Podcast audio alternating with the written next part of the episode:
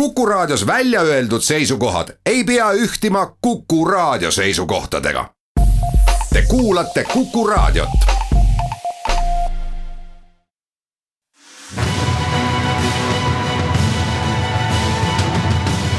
kaks ühes. tere, head sõbrad algamas on saade Kaks ühes, minu nimi on Vilja Kiisler, olen Postimehe ajakirjanik ja kohtun teiega siin edaspidi igal teisipäeval kella ühest kella kaheni koos kahe targa peaga. kaks ühes nagu, nagu nii mõnedki teised kaks ühes tooted peaksid teile siis pakkuma mitmesugust mõju. ainult et erinevalt teistest sarnastest turul olevatest toodetest ei sobi see saade kaks ühes ei sissevõtmiseks ega pealemäärimiseks. küll aga võiks ta sobida kuulamiseks ja järelemõtlemiseks iga kord hakkab saates olema kaks külalist, kes kõnelevad siis kahel saatejuhi välja valitud teemal. ja need teemad valin ma välja loomulikult selle järgi, mida ma arvan teile olevat huvitav ja mis seal salata, ma loodan, et see on mulle endale ka huvitav saate esimeses osas räägime kultuurikriitik Alvar Loogiga NO teatri tõusust ja langusest. saate teiseks pooleks ootame stuudiosse Jüri Raidlat, vandeadvokaati, kelle elutöö ja südameasi on riigireform. Alvar, tere tulemast. tere, Vilja. NO teatri lõpetamise otsus tuli nagu välk selgest taevast ja teatri tegijad, loovtrupp kirjutas oma lahkumiskirjas niimoodi vaikus, mis saabub teater NO üheksakümne üheksa koridoridesse, on vaikus nagu iga teinegi, kuid meie jaoks on see valus vaikus. aga see vaikus on ka aus. see vaikus on õiglane, sest samamoodi edasi minna me ei saa ja teistmoodi edasi minna me ei taha. kunagi seatud ideaalide vääriliselt me edasi töötada ei suuda teater NO üheksakümmend üheksa on alati olnud idealistlik pürgimus ja kui ideaalideni enam ei küüni, siis ei ole ka teatrit. suured ideaalid on midagi sellist, millega elada pole sugugi lihtne ja millega koos tööd teha ilmselt samamoodi lihtne ei olnud. tahaksin sinuga koos arutleda selle üle, kes ikkagi NO teatri tegijad olid mis nad olid Eesti kultuuris ja miks nendega läks niimoodi, nagu läks. aga alustame võib-olla nendest ideaalidest, ma arvan, et äh, teataval viisil sisu loovate inimestena mõistame me sinuga mõlemad, mida suured ideaalid tähendavad ja ka võib-olla seda, et kui nendega on ühel pool, siis ei ole enam võimalik teha neid asju, mida ollakse noh, võib-olla isegi ülearu pidulikult väljendudes kutsutud ja seatud tegema no kõigepealt vist ma tahaksin parandada selles osas, et ideaalidega ei ole neil kindlasti ühel pool. küsimus ei olnud selles, et ideaalid oleks kuhugi ära kadunud, vaid, vaid selles, et äh, võimalused neid ideaale siis teatritehniliste vahenditega teostada ja, ja üha uute lavastuste näol välja tuua. et see asi ei olnud nagu võimalik enam. ja no NO puhul, kui keegi veel ei tea, on, on ja oli noh, veel viimased päevad praegu, Eestis on veel kolm etendust teatril anda täna, homme ja ülehomme. et äh, hetkeseisuga me võime veel neist rääkida kui, kui olemasolevast teatrist, aga nad on jah, oma surmaotsusele ise alla kirjutanud. et äh, oluline on kindlasti täpsustada, et tegu on, äh, on ja oli sootuks teistsuguse teatriorganismiga, kui seda on põhimõtteliselt kõik ülejäänud Eesti riigiteatrid. kõik need, kes, kes ei ole vabatrupid, vaid, vaid saavad äh, riigilt või siis mõnelt linnalt, nagu näiteks Tallinna Linnateater, Tallinna linnalt äh, püsitoetust. et äh, NO teater ongi loodud ajutisena ja, ja ta on olnud algusest peale väga selgelt seotud oma loojatega kelleks on äh, eelkõige Tiit Ojasoo, aga seal kõrval ka äh, Ene-Liis Semper ja siis trupp, kes on sellega kaasas olnud. ja, ja see peamine erinevus äh, ülejäänutest ei tulene ka mitte niivõrd ainult sellest ajalikkusest, mis oli sinna projekti algusest peale sisse kirjutatud. ja kui ma õieti mäletan, siis selle, selle ajalikkuse tegelikult kirjutasid sinna isse, sinna sisse tegijad ise, mitte rahastajad et äh, võeti teatrile nimeks äh, NO üheksakümmend üheksa ja, ja siis kõiki oma lavastusi, mis järjepanu välja tulid, äh, tähistati nende nimes siis sellise äraspidise countdown'iga, et et esimene lavastus oli NO üheksakümmend üheksa, sinna järgnev nimi ja sealt edasi järjest, järjest maha kerides. ja, ja nüüd tänavu sügisel jõuti lavastuseni No kolmkümmend ehk siis kakskümmend üheksa lavastust oleks, oleks selle numeratsiooni järgi äh, pidanud teater veel tegema. aga nad on ise arvutanud, et seal oli ka neid komakohtadega, äh, numbritega asju, mis, mis, mida nad ise nimetasid aktsioonideks, mis ei olnud lavastused, et. et kui need kõik kokku liita, siis väidetavalt neid on sada tegelikult tänaseks. aga jah, selle numer-, numeratsiooni järgi jäi kakskümmend üheksa tegemata ja, ja kui nüüd mõelda, et, ähm, et mis on see pinge, milles nad töötasid ja mis nad võib-olla siis lõpuks murdis, oligi see, et, et kui ähm, ütleme, tavapärane repertuaariteater, ehk siis kõik need ülejäänud Eesti riigiteatrid, ma loodan, ma nüüd kellelegi liiga ei tee. töötavad ikkagi tegelikult nii, et nad sisuliselt oma hooaja plaanis nii-öelda täidavad lihtsalt mingisugust sisu. et, et on päris selge, et hooaja jooksul peaks välja tulema nii ja nii palju uuslavastusi. ja enamasti need siis kuidagi ka mõistlikult jagatakse ära, noh provintsiteatrid vaatavad kindlasti, et oleks komöödiaid ja kindlasti laste ja noorteetendusi. ja siis võib-olla vaadatakse, kui palju Eesti dramaturgiat, kui palju lääne dramaturgiat ja võib-olla näpuotsaga siis midagi moodsamat. ja siis sealhulgas midagi ka võib-olla nii-öelda postdramaatilist ehk seda, mida, mida NO on kogu aeg teinud. siis NO-l tegelikult sellist, sellist tootmisplaani ja niivõrd oma oma sihtgrupiga arvestavat tootmisplaani ei ole kunagi olnud, et nad on töötanud väga selgelt eh, üks lavastus korraga. ja, ja selle esteetika eh, ja selle, selle kunstikeele puhul, mille nad endale valinud on, on see tegelikult tähendanud ka mingis mõttes nullist alustamist kogu aeg, sest seda, seda teatrikeelt on, on see lavastus, ütleme see teater iga uue lavastusega üha uuesti loonud ja jah. ma tahaksin sind ikkagi vedada sinna, kus minu meelest tundub olevat selle teatri tegevuse kese. ja see on eelkõige siiski poliitiline teater. minu meelest ja ma arvan, et siin võib-olla minu arvamus laia arv, äh, avalikkuse seisukohast eriti palju ei lahknegi. on NO üheksakümne üheksa tipphetk Ühtse Eesti Suurkogu, mis tekitas siis Eestis ka laialdase ootuse, et äh, tõesti tekibki uus partei ja Semper ja Ojasoo võtavad häältes välja selle poliitilise kapitali, mida nad selle projektiga olid kogunud. aga sinuga koos tahaksin arutada selle üle, mm, kuidas oleks seda poliitilise teatri tühimikku, mis jääb NO-st maha, täita.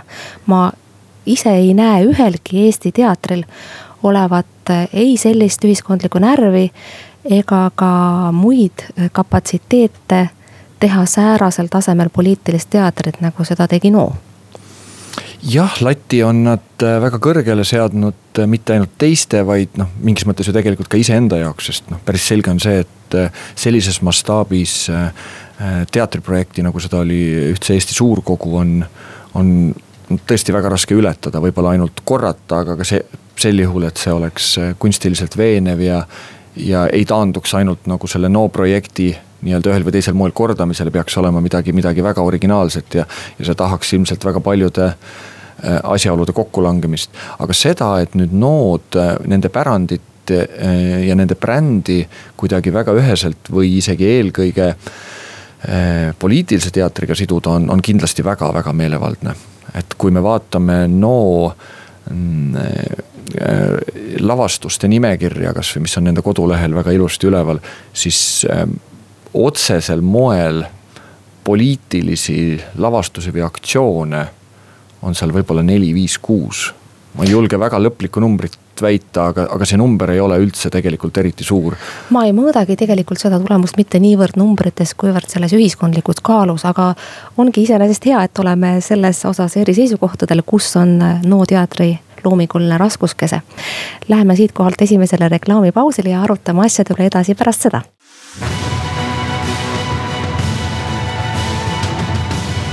kaks ühes head sõbrad, Kaks ühes läheb edasi siit, kus ta pooleli jäi enne reklaamipausi.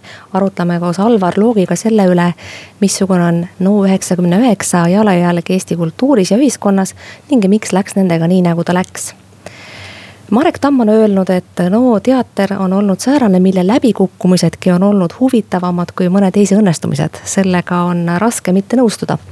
mäletan päris mitut NO teatri viimaste etenduste seast, need olid tõepoolest sellised, kus ka mulle tundus, et nende hiilgajad võiksid juba olla möödas ja mulle meenub eh, neist üks eriti, kui minu kõrval sattus istuma Hans Haluik, tuntud meediamagnaat. mis etendus see oli, seda ma enam nii täpselt ei mäleta.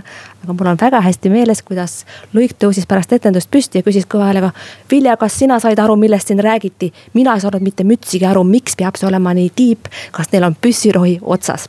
minu meelest osa sellest pettumusest valas ta pärast ka Ekspressis välja.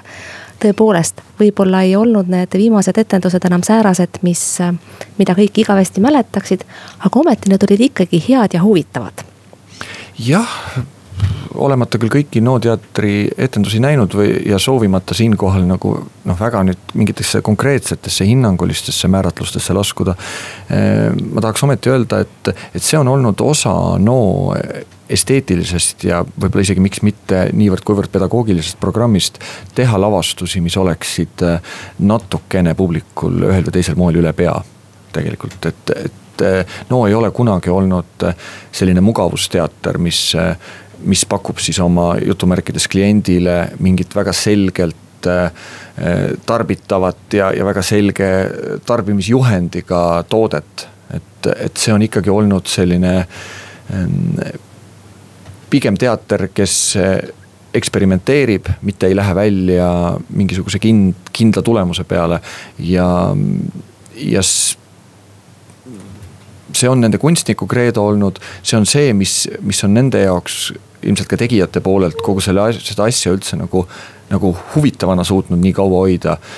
ja, ja kindlasti on see, on see publiku poolelt tinginud kogu aeg, algusest peale, mitte ainult nüüd nende viimaste lavastuste ajal. Eh, tegelikult sarnaseid reaktsioone, et eh, ma arvan, kõigi nende, nende aastate jooksul on, on noos eh, välja tulnud lavastuste puhul millest ju ülisuur osa on, on üldse mitte tehtud Ojasoo ja Semperi poolt, vaid, vaid külalislavastajate poolt väljast. kui aga vaadata seda nimekirja inimesi, kes on NO teatris aastate jooksul lavastanud, siis see on, see on väga esinduslik. Ja, ja hõlmab väga erineva esteetilise käekirja ja, ja võib-olla ka nihukese tundemaailma või või isegi võib-olla poliitiliste, erinevate poliit-, poliitiliste seisukohtadega inimesi. et äh, et jah, no on, on, on väga julgelt tulistanud üle pea inimestel ja võib-olla pakkudes neile jah, sageli mit-, mitte nüüd niivõrd seda sellist esteetilist äh, või intellektuaalset raputust, vaid hoopis võib-olla mingit pettumust, aga see pettumus äh, nagu näha ka sinu mälestuse pealt elab tegelikult inimestes väga huvitaval moel edasi. ja, ja võib-olla mingisugused äh, küsimused, mida, mida nende pakutud lavastuskeel on, on, on vaatajalt küsinud, saavad vaatajas eneses vastuse kunagi hoopis hiljem tegelikult. selles mõttes ma olen sinuga täiesti nõus, et no ei ole kunagi muretsenud ülearu ja mõttetult selle pärast, mismoodi nad publikule välja paistavad, vaid nad on alati esitanud publikule erakordselt kõrgeid esteetilisi nõudmisi. ja see on tegelikult see, mida üks teater ju tegema peakski, kuigi Eh, kuigi ta võib siis pälvida kriitikat ja kogeda ka mittemõistmist, nagu NO üheksakümne üheksa puhul on samamoodi ette tulnud.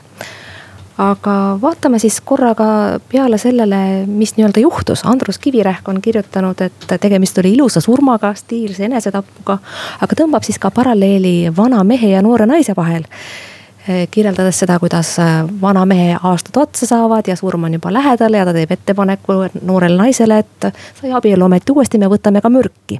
ehk siis teisisõnu see organisatsiooni kultuuriline dilemma, millele on viidanud muide ka mõned teised, et kui organisatsioonis tekivad pinged ja ta ei suuda enam sedaviisi toimida, siis ei vahetata ometi välja tervet organisatsiooni või ei saadeta laiali meeskonda, vaid võetakse uued juhid teatavas mõttes on vastus äh, sellele argumentatsioonile olemas juba nende lahkumiskirjas.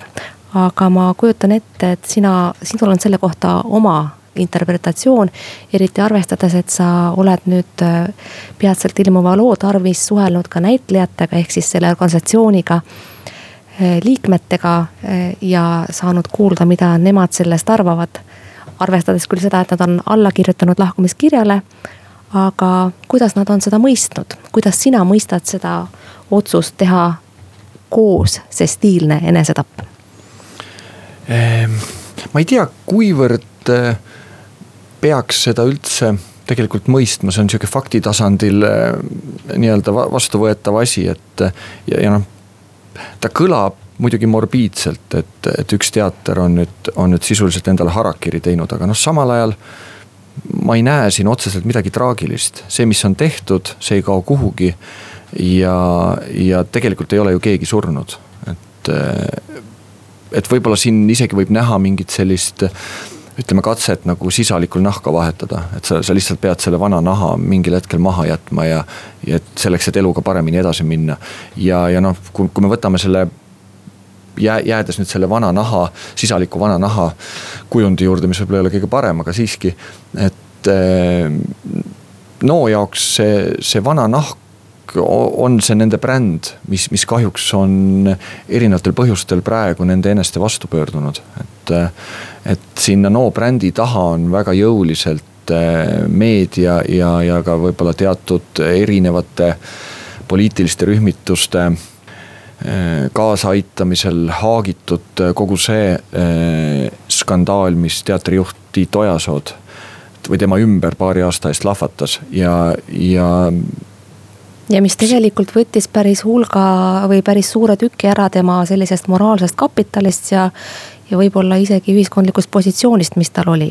jah, see on juhtunud äh, mitte ainult Tiit Ojasoo puhul, raske öelda, kuivõrd äh, ta selle ära on teeninud, sest minu teada kohtuotsust ei ole veel et selles mõttes ta on väga avalikult süüdi mõistetud enne kui, kui kohtuorganid on juriidiliselt. nagu see ikka inimestega tavaliselt ja, juhtub. aga nii palju, kui mina asjast aru saan, ülejäänud teater kõik, kõik inimesed, kes seal töötavad ja, ja seal, sealhulgas siis ka see teatri selline sümboolne kehand, see bränd. ei ole küll mitte millegagi seda ära teeninud, et, et no üheksakümmend üheksa on saanud Eesti ühiskonnas sünonüümiks naiste peksmisele näiteks. kindlasti mitte. või, või naistevastasele vägivallale laiemalt, et ja selle kapitaliga on, on, on väga raske teha ükspuha mida. Isegi äri on sellega raske teha, aga kindlasti mitte kunsti. Moel või teisel jäävad kindlasti kõik NO99 tegijad Eesti kultuuri alles ja ma võib-olla omalt poolt tõstaksin siinkohal veel esile ka Eero Epnerit, kes, kelle erakordselt tugevad tekstid minu meelest on moodustanud olulise osa selle teatri renomeest ja esteetikast. tegemist on sellise ajastu sõnastaja ja mõtestajana, kelle iga sõna on mulle isiklikult olnud väga oluline ja nauditav. niisiis aeg näitab, mil moel me kuuleme Eero Epnerist, Tiit Ojasoost, Ene-Liis Semperist ja kõigist teistest jälle ja uuesti.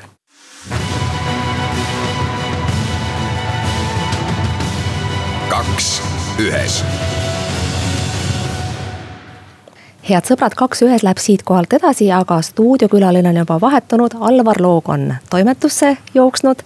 ja tema asemele on tulnud Jüri Raidla, vandeadvokaat ja riigireformi vapinägu, kõige prominentsem inimene sellel teemal üleüldse kõnelema, tere tulemast. tere päevast.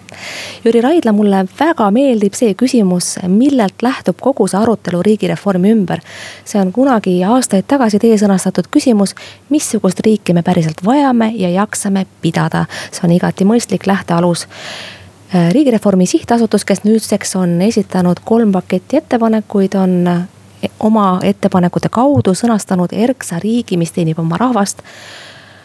Teie samas olete peale selle sihtasutuse vedamise ja selle töö äh, koordineerimise ja peaideoloogia ametikoha iseenesest ka kunagisi põhiseaduse autoreid ometi millegipärast tundub siis ei ole teie äh, osalusel sündinud iseseisvunud Eesti see riik, milles tahaks elada, sest te tahate teda ju nüüd jälle ümber teha. miks see on niimoodi läinud? teatav käivitav jõud kogu selles protsessis on ju ometi rahulolematus. teatavas mõttes siis ka rahulolematus iseenda loodud põhiseadusega või kuidas? põhiseadusega on selline lugu, et see on uskumatu, kui hea see põhiseadus tegelikult välja kukkus. ma saan kinnitada nii advokaadina kui ka põhiseaduse eksperdina seda, et Eestis ei ole olnud mitte ühtegi põhiseaduse kriisi. ja see on omakorda juba selline nähtus, mis on põhiseaduse kvaliteedi tunnistus ehk äh, selles mõttes siin ma olen seda meelt, et, et Eesti riik kukkus hästi välja aastatel üheksakümmend üks, üheksakümmend kaks, üheksakümmend kolm, kui teda taasloodi. ja samamoodi põhiseadus on Eesti riiki väga hästi teeninud ja mul on hea meel ka, et Eesti on oma põhiseadust ise hoidnud see on mineviku ja oleviku konstateering, millest ma praegu rääkisin. see, mille pärast me teeme, tegeleme riigireformiga ja väga paljud inimesed tegelevad selle teema lahtimõtestamisega juba tõepoolest kümmekond aastat ja rohkem. ei ole mitte mineviku ja oleviku probleem, vaid tuleviku küsimus. loomulikult me loodame seda, et et realiseeruvad kõige paremad stsenaariumid ja mitte kehvemad stsenaariumid.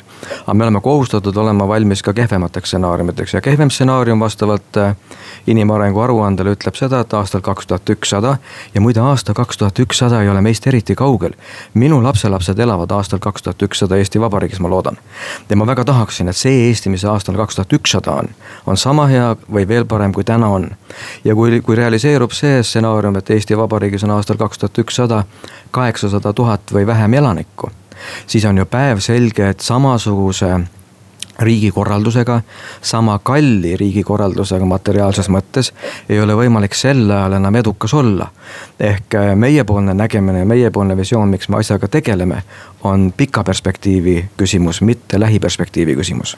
ometi heidetakse teile väga paljusid asju ette. Peagi Postimehes ilmuvas loos nimetab Rein Taagepera näiteks teie ettevõtmist asendustegevuseks. riigihalduse minister Janek Mägi on öelnud, et ei tea, kuidas riik päriselt töötab. samal on viidanud ka Jaak Jõerüüt teisest küljest see riigipakett, riigireformi pakett on väga-väga teie nägu sellepärast teie asemel mina võtaksin kogu seda kriitikat isiklikult ja vastaksin sellele just praegu minul on üldiselt selline komme, tähendab isegi kui ma mõnda kriitikat isiklikult võtan, siis ma ei hakka mitte kunagi teist inimest isiklikult ründama ega agressiivselt käituma. see on põhimõtteline printsiip, mis ma olen siia toonud ja mulle tundub, et erinev presi-, erinevad president Ilvese sentence'itest, see viib mind ka edasi.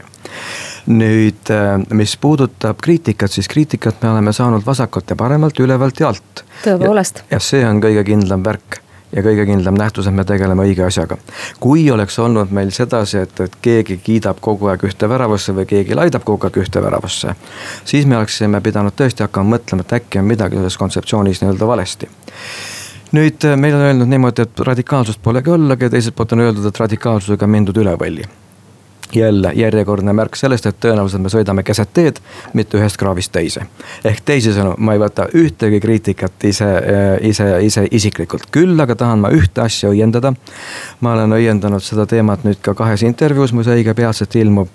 et äh, mõned inimesed ja seejuures mulle väga head tuttavad inimesed on öelnud niimoodi, et meie seltskond ei tunne ega tunneta riiki. see tekitab minus sellist äh, nõut nõutust ja sedasi nõutusliku naeratuse toob see mu näole ka küll. kui me mõtleme praegu meie kuueteistliikmelise nõukogu peale, ma olin sunnitud natuke statistikat tegema, meil on neli eksministrit, meil on kaks põhiseaduse eksperti.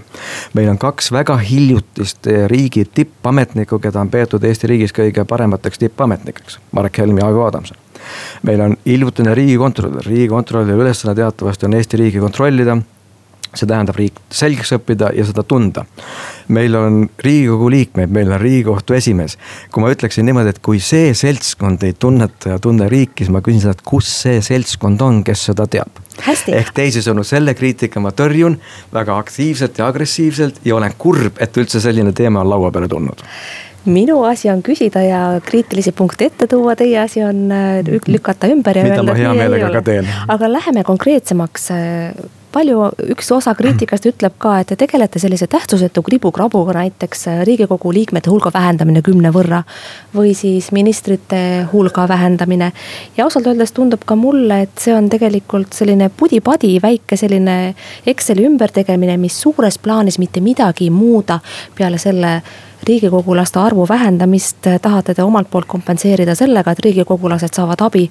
riik ei lähe selle, saavad endale abid, riik ei lähe selle võrra ju mitte efektiivsemaks ja, ja odavamaks, vaid hoopis kallimaks. kuidas te seda päriselt mõtlesite ähm.? esiteks, meil on väga hea meel selle üle, et debatt on toimunud, toimunud, sellepärast et see oli meie üks äh, eesmärkidest muide. ja väga lihtsal põhjusel, sellepärast et kui riigireformi teemal ei toimu aktiivset debatti siis sel juhul ei ole võimalik ka kõnelda sellest, et pärast valimisi oleks ühel või teisel poliitilisel jõud, jõul olemas rahva mandaat riigireformiga tegelemiseks, nii et debatt on erakordselt tervitatav. nüüd nüüd ja natukene huumorist ka, mulle tundub niimoodi, et selles debati käigus on õnnestunud ka Eesti poliitilist retoorikat rikastada, rikastada. nagu täna ma lugesin kuskilt, et miski asi on tilulilu ja, ja, ja, ja. kribu-krabu, pudi-padi. kribu-krabu, tilu, lalju, tilu-lilu, pudi-padi.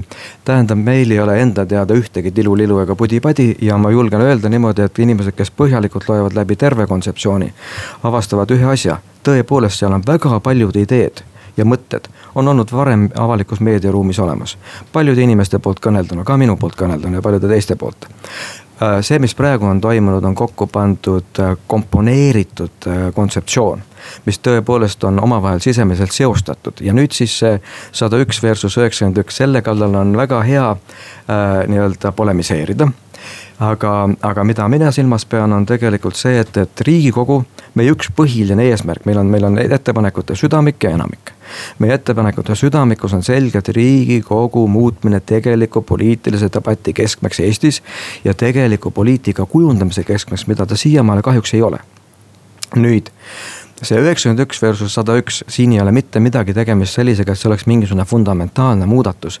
aga, aga ka, ka nii nagu poliitilise debati keskus peab Riigikogu olema ka riigireformi keskus ja kui nüüd riigikogu ütleb niimoodi, et rahvastiku demograafilise situatsiooni nii-öelda ebasoodsate trendide tõttu me peame igalt poolt ennast kokku tõmbama. mitte õhemaks, vaid kokku tõmbama ja, ja tõhusamaks tegema. ja iseendaga me mitte midagi ei tee, siis andke andeks, see ei ole väga tõsiseltvõetav rollimudel aga te teise... tahate ametnike hulka kärpida, ma saan aru, riigikogu liikmete hulka tuleb kärpida selleks, et saaks paremini kärpida ametnike hulka, aga te üldse ei taha öelda, missuguseid ametnikke te ära tahate kärpida. riigikogu kärp... liikmete kärpimisest räägite, aga missugused ametnikud võiks ära kärpida? Nende kahe kärpimise vahel puudub igasugune seos. ma just sain aru, et üks õigustab teist teataval viisil. riigikogu puhul ma räägin rollimudelist ja signaliseerivast tähendusest ametnikkonna puhul, see on nüüd pikem teema ja loomulikult see on ka olnud üks väga huvitav küsimus nii-öelda meedias. meil on täpselt üks minut reklaamipausini järelikult saan ma öelda vaid seda, et ametnikkonna kärpimine meie kontseptsioonis ei ole mitte eesmärk, vaid ühes rubriigis see, mis puudutab õigusloomelist poolt, on tegemist meetmega. ja teises rubriigis see, mis puudutab täitmist, korraldamist, kontrollimist, lubade andmist, seal on tegemist algoritmistamisega ja seal on tegemist tulemusega.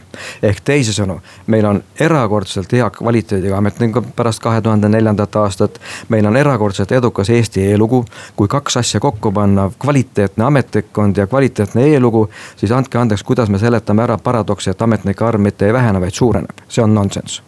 hästi, siitkohalt läheme edasi pärast pausi.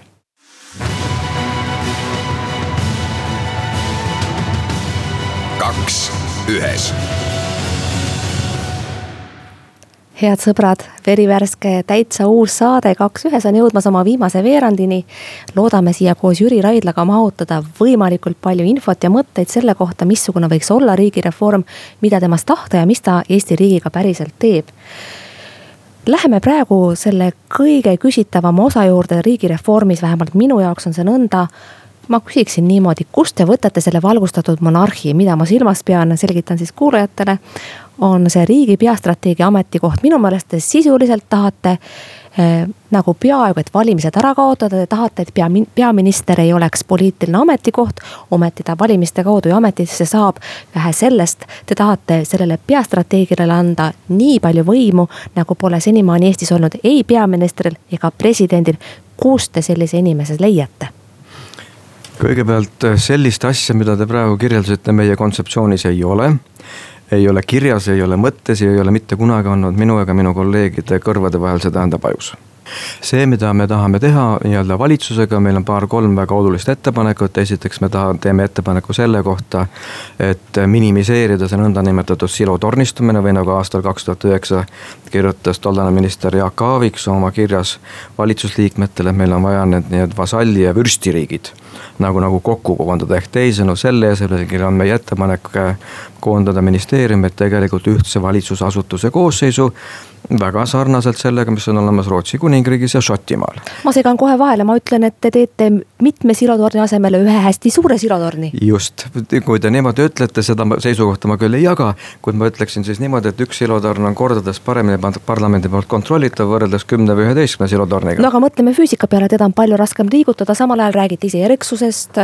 sellest, et riik peaks olema paindlik, suur on alati vähem paindlik. teda on tohutult palju kergem liigutada, sellest nüüd me peame vaatama sellesse ka, mida me selle ühtse ühtse riigivalitsuse sees nagu endale ette kujutama. ja seal me kujutame enda ette nagu järgmist asja, eks ole, kõige tipus on nagunii nagu Vabariigi Valitsus nagu tänagi. siis on ministeeriumid ka samamoodi nagu täna, välja arvatud ühes olulises küsimuses. me tahame anda tegelikult ministeeriumide struktuurile oluliselt suurema paindlikkuse. sõltuvalt sellest, milline on koalitsiooni poliitiliste prioriteetide järjekord. ja seetõttu tea, tõenäoliselt, kui meie ettepanekut aktsepteeritakse, ma arvan, et see on üks meie keskseid ettepanekuid muide saab tulevikus olema meil kahte liiki ministeeriumit, osa ministeeriumid on sellised, mis on täpselt sama igavesed, kui on riik välisministeerium, kaitseministeerium, siseministeerium, kindlasti mõned veel, rahandusministeerium sealhulgas. teatav hulk ministeeriume peaksid olema aga natuke sarnaselt sellised, nagu on ka Rootsis ja Šotimaal. et need moodustatakse ja kujundatakse ümber vastavalt sellele, milline on parlamendi poolt ametisse nimetatud koalitsiooni poliitika nüüd, mis on selle asja mõte, selle asja mõte on selles, et kui need ministeeriumid muutuvad teatavas ulatuses ka dünaamiliseks siis selle ühtse riigivalitsuse asutuse sees on kõikidel ametnikel on üks tööandja, mis tähendab seda, et rotatsioon lähtuvalt poliitilistest prioriteetidest on juriidiliselt ja psühholoogiliselt palju kergem. teiseks, sealt, kus tekib kokkuhoid, on seotud ju sellega, et sel juhul nii-öelda riigi tugiteenistused on kokku koondatud, mitte nii, et igal ministeeriumil on oma selline väike, väike kuningriik. aga ma tulen selle strateegiakeskuse juurde ka. see strateegiakeskus ei ole meil mitte mingisugune parlamentaarsest kontrollist eraldiseisev kogu. mina unistan ausalt kasvatades selleks, kui ühe, sellest, kui ühel päeval oleks Eestis olemas riikluse üldine metastrateegia. ja Eesti majanduse üldine metastrateegia. ja need ei saa sündida ministeeriumide ehk silotornide põhiselt. Need aga peavad toimuma valitsuse üleselt. peastrateegist, see peastrateeg on üks konkreetne inimene. kui teie hakkasite sellest peastrateegist rääkima, siis oli parasjagu peaminister Taavi Rõivas. ja mina kitkusin iga kord juukseid, sest mina Taavi Rõivast selle pea, peastrateegina mitte kuidagi ette ei kujutanud ja kui ma vaatan praegu Jüri Ratast, siis ausalt öeldes ei tahaks ma tallegi sama palju võimu anda, nagu teie tahate anda. kust te seda kompetentsi juurde tekitate? kusjuures me ei anna ühtegi grammi, sentimeetrit ega millimeetrit kellelegi võimu juurde. mulle tundub, et tahate ei, anda, peastrateegil on palju suuremad volitused kui praegusel peaministril. sel juhul ma tahaksin teie tunnetega väga tugevalt praegu võidelda. tähendab selle, selle peastrateegia parlamentaarne kontroll on palju tugevam võrreldes sellega, mis praegu on need circa nelikümmend seitse erinevat arengukava ja, ja strateegiat, mis on ministeeriumide põhised ja millest väga suur suures ulatuses. riigikogu ei ole olnud teadlik ei nende koostamise ja kehtestamisega, nende täitmise ajal. ehk tegelikult selle kaudu me viime just selle asja riigikogu kontrolli alla. teine põhimõte, mida ma tahan rõhutada. nii nagu põhiseaduse assamblee ajal teatavaid sätteid tehti selleks, et mõni inimene ei saaks pretendeerida presidendiks niimoodi ei ole mitte ühtegi riigi olulist regulatsiooni vaja teha sellest, kes on peaminister Ratas, Rõivas või keegi teine. tähendab, kõik olulised riigi seisukohad, regulatsioonid tulevad teha alati impersonaalsed. niipea kui me hakkame tegema personaalseid, siis me lõpetame kas monarhias või tegelikult ausalt öeldes kaoses. ja aga seda ei tohi on, lubada. aga teil on ometi ette heidetud, et te tahate ikkagi riiki väga tugevasti äh, tsentraliseerida ja, ja viidatakse ka autokraatia ohule selle võrra, et ta ka presidendi rolli natukene tahaksite vähendada. ja minu meelest, kui te peaministri asemele panete peastrateegi, siis okei okay,, te ütlete, tal ei ole rohkem võimu, aga te eeldate temalt vaimset kapatsiteeti palju suuremat, kui praegu ühel poliitikul olla saab. presidendi olulist võimu me tahame tegelikult suurendada selle kaudu, et me suurendame tema sõltumatust parlamendist. me vaatasime statistikat, Eesti Vabariigi presidendil on väga vähe võimuvalitusi, üks nendest on äh, seaduste väljakuulutamine või mitte väljakuulutamine. ja vajaduse korral põhiseaduse järelevalve korras kohtusse pöördumine. viimase kümnekonna aasta jooksul on Eesti presidendid, erinevad isikud kasutanud seda ainult kolmel korral. ehk presidendid on väga tugevalt praegu sõltuvad parlamendist ja seetõttu presidendi tasakaalustav funktsioon, mis on põhiseaduse järgi tema põhiline funktsioon Eestis, on praegu olnud alatäidetud. ja meie ettepanekute kaudu me tahame just nimelt seda sõltumatust parlamendist nii-öelda suurendada, et president tõesti oleks tasakaalus ja seetõttu tegelikult meie ettepanek on ka viia presidendi valimine täielikult valimiskogusse, sada üks parlamendiliiget, sada kohaliku omavalitsuse liiget ja muuta tegelikult ka presidendi vali, nii-öelda valitsemise tähtaeg järjestikulisena, ühekordseks see tähendab seda, et ametis olev president ei tegutse mitte selle nimel, et saada paremat positsiooni tagasi valituks, olles seejuures parlamendiga väga leebe. vaid ta tegutseb selle nimel, et tema tasakaalustav roll oleks selline, mida ajalooürikutes tuuakse ette kui positiivset tegevusjuhendit. Te ütlete, et kõik see, mis mida te ette panete, muudab riigi paindlikumaks ja erksamaks. ja see on eesmärk, mida on raske vaidlustada. Kui ma aga teid kuulan ja neid ettepanekuid loen, siis tundub mulle täiesti ühemõtteliselt, et need muudatused eeldaksid tegelikult valijalt mandaati. Teie aga pakute kahekümne kaheksa ettevõtja algatusel oma ettepanekud eelkõige välja poliitikutele ja erakondadele elluviimiseks, aga valija mandaadi üle te suurt pead ei vaeva, miks? sellepärast, et me oleme algusest peale oma sihtasutuse loonud selgelt valimiste ja erakondade mõttes apoliitilisena. me eeldasime seda, et meile tahetakse mingisugust poliitilist märki nii-öelda otsa ette kleepida sellepärast me tegime sihtasutuse asutuslepingu tähtaegsena. ehk neljateistkümnendal mail kaks tuhat üheksateist algab selle sihtasutuse likvideerimine aga nüüd tahame üles kutsuda poliitikuid, et, et ärme räägime enam vabakonna kaasamisest. sest kaasamine tähendab seda, et üks on aktiivne, teine on passiivne. see sihtasutus on samamoodi kodanikualgatus, ka ettevõtjatel on õigus olla kodanikualgatuse osaks. Nad on samamoodi kodanikud nagu kõik teised. Eesti Vabariik ei ole poliitikute omand, Eesti Vabariik on kodanike omand. ja seetõttu mina kutsun üles tegelikult poliitilist eliiti pidama vabakonda oma partneriks. ja seetõttu ei ole mitte niimoodi, et noh, et piltlikult öeldes rääkida võiksid ainult need need, kes lähevad riigikogu valimistel nii-öelda ise kandideerimine. meie isiklik personaalne poliitiline huvi on tõepoolest null, aga see ei tähenda seda, et meil kodanikena vabakonna liikmetena ei oleks õigus välja pakkuda ja komponeeritult välja pakkuda ja jõuliselt välja pakkuda. seda, mida meie arvame, et oleks vaja Eesti riigi eduloo kestlikkuse jaoks. ja vot see Eesti riigi eduloo kestlikkus, see ongi meie mantra Jüri Raidla, võtame selle arutelu kokku, mis peaks neist ettepanekutest saama. praegu kuulavad erakonnad teid üsnagi tähelepanelikult, kõrvad lontis, mõned võib-olla väljendavad ka teatavat tänulikkust. aga enne valimisi huvitab erakondi ja poliitikuid, olgem ausad, me teame seda mõlemad üsnagi hästi. ikkagi ainult valijate hääled, valitsuse moodustamine ja muud säärased asjad mis te arvate, mis nendest ettepanekutest saab pärast valimisi? Ehm, ma olen nüüd ka praegu kaks ringi kohtunud parlamendierakondadega ja mõnede erakondadega väljaspool seda, tähendab, ma ei ole kedagi näinud kuulamas kõrvad lontis. tähendab, äh, reeglina on tegelikult see sõnumid võetud vastu üsna aktiivselt, iseasi küsimus on see, kui palju neid toetatakse, palju neist mitte. nüüd ma esitan siis unistuse ja, ja see unistus, ma loodan, on päris realistlik, on see, et, et me, me, me oleme teadlikult, teadlikult ennast erakondlikult apolitiseerinud. Selle eesmärgi nimel, et, et see südamiku ja enamiku suhtes oleks võimalik saavutada maksimaalne erakondade ülene kokkulepe. ja selle teema juurde me tuleme tagasi järgmise aasta jüripäeval, siis kui on valimised toimunud ja uus valitsus moodustatud, siis me andame üle järgmise paketi dokumente. Jüri Raidla suur,, suur-suur tänu saatesse tulemast, head sõbrad, aitäh, et kuulasite esimest korda saadet Kaks ühes. see on edaspidigi eetris alati teisipäeval. saatejuht jääb ikka samaks, Vilja Kiisler on teiega juba nädala pärast kuulmiseni, nägemiseni.